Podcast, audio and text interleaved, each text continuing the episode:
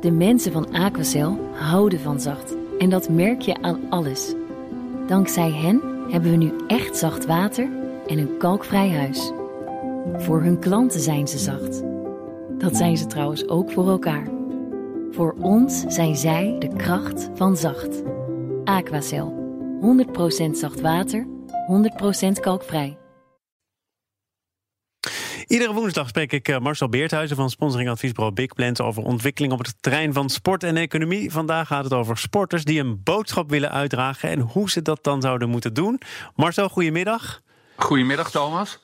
Uh, om uh, te verklaren waarom wij het hier nu over hebben, moeten wij naar Brazilië en het Verenigd Koninkrijk. Kun je dat even kort toelichten? Ja, twee opvallende dingen. Er was een Braziliaans beachvolleybalster, die heet Carol Solberg.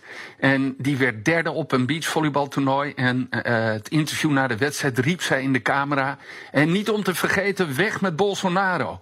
Nou, dat werd een enorme uh, rel in Brazilië. En uh, ze zou geschorst worden. Braziliaanse volleybalbond ontzettend kwaad. Ze zou zelfs een boete kunnen krijgen van 15.000 euro. Nou, uiteindelijk liep dat allemaal met een sisser af. En kreeg zij een schorsing. Hè. De, verhaal was, ja, je hebt de regels overtreden. Want hebt onze sport in discrediet gebracht. En het is ook slecht voor de sponsors. Nou, het liep met een sisser af, maar wat wel opvallend was, dat. Uh, ja, het, het paar jaar geleden twee volleyballers uh, waren die met hun handen het cijfer 17 maakten. Wat, wat uh, toen de verkiezingslijst was van Bolsonaro. En onlangs een, een voetballer, Felipe Melo, ook juist een, een, een aanmoedigingsgebaar voor Bolsonaro maakte. En dat niet be, bestraft werd, zeg maar. Dus dat viel op. Ja, en dan hebben we Lord Sebastian Coe, Sir Sebastian Coe, nu de baas van de Mondiale Atletiekbond World Athletics, die heeft gezegd tegen de regels van het IOC en het Internationaal Olympisch Comité. Ja, ik vind juist wel dat sporters tijdens de Olympische Spelen moeten kunnen knielen op het podium als ze dat willen. Eh, want ze moeten gewoon kunnen zeggen wat ze willen. Maar het IOC eh, die wil dat voor ons nog niet. Nee, het is wel een grote bond en een zeer gerespecteerd uh, voorzitter van die bond die nu zegt: uh, we gaan dit toch anders doen. En het werd vooral uitgelegd als uh, wie wil knielen, want dat was natuurlijk een andere uiting, politieke boodschap. Moet dat ook op de Spelen kunnen doen? Wat betekent dit nu voor de houdbaarheid van de opvattingen van het IOC? En, en volgen er nog misschien andere grote internationale ja, bonden? Nou, het, ja, het IOC verwijst dan altijd naar de regels. Hè. Regel 50 van het handvest staat in dat we niet willen dat politieke en religieuze gebaren worden gemaakt. Of raciale propaganda, dat mag ook niet.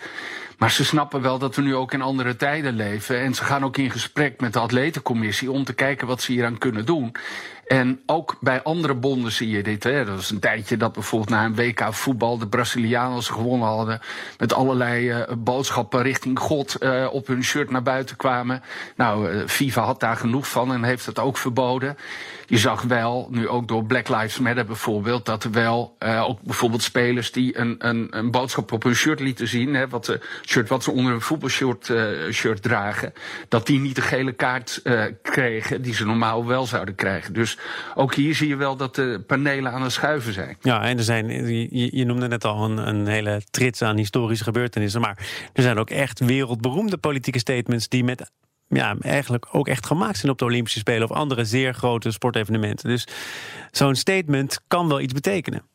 Ja, het, het, het, gaat natuurlijk meteen de hele wereld over. En het, het meest bekende is natuurlijk de Black Power beweging in 1968. Ja. Van die twee atleten die hun vuist in een zwarte handschoen naar boven uh, lieten wijzen. Op het podium. Uh, er is, ja. ja, op, het, op het podium inderdaad. Nou, ook heel veel commotie. Het is een Ethiopische marathonloper geweest in 2016. Toen hij over de finish ging, toen kruiste hij zijn armen om te laten zien dat een deel van zijn, van zijn volk, van zijn stam, dat die vervolgd werden.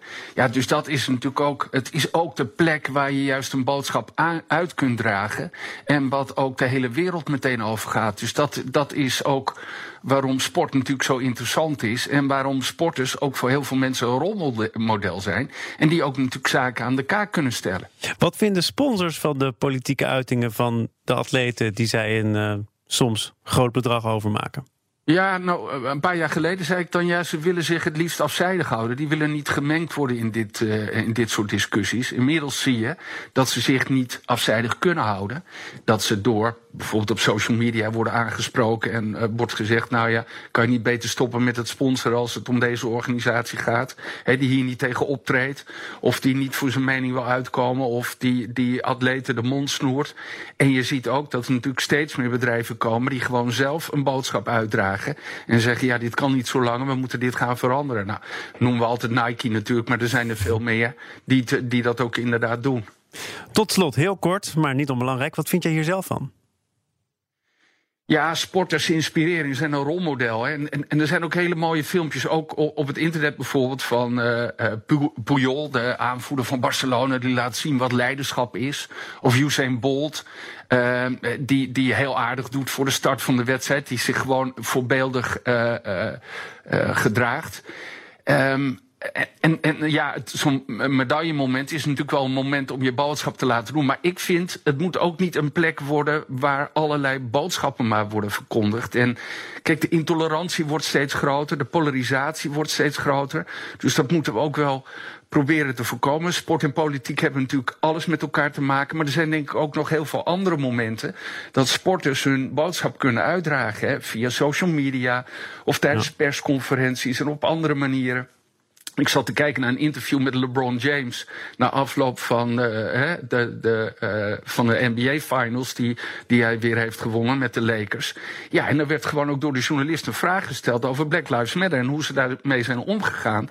En hij kwam met een hele mooie uh, boodschap daar. En dat, dat maakte minstens zoveel indruk. Dus ik vind zelf eigenlijk dat we het podium maar een beetje schoon moeten houden van uh, al die verschillende boodschappen, hè, hoe belangrijk of onbelangrijk ze ook zijn.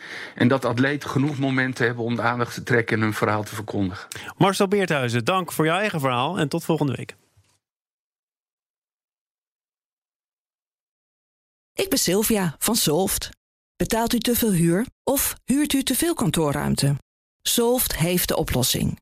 Van werkplekadvies, huuronderhandeling tot een verbouwing, wij ontzorgen u. Kijk voor al onze diensten op soft.nl.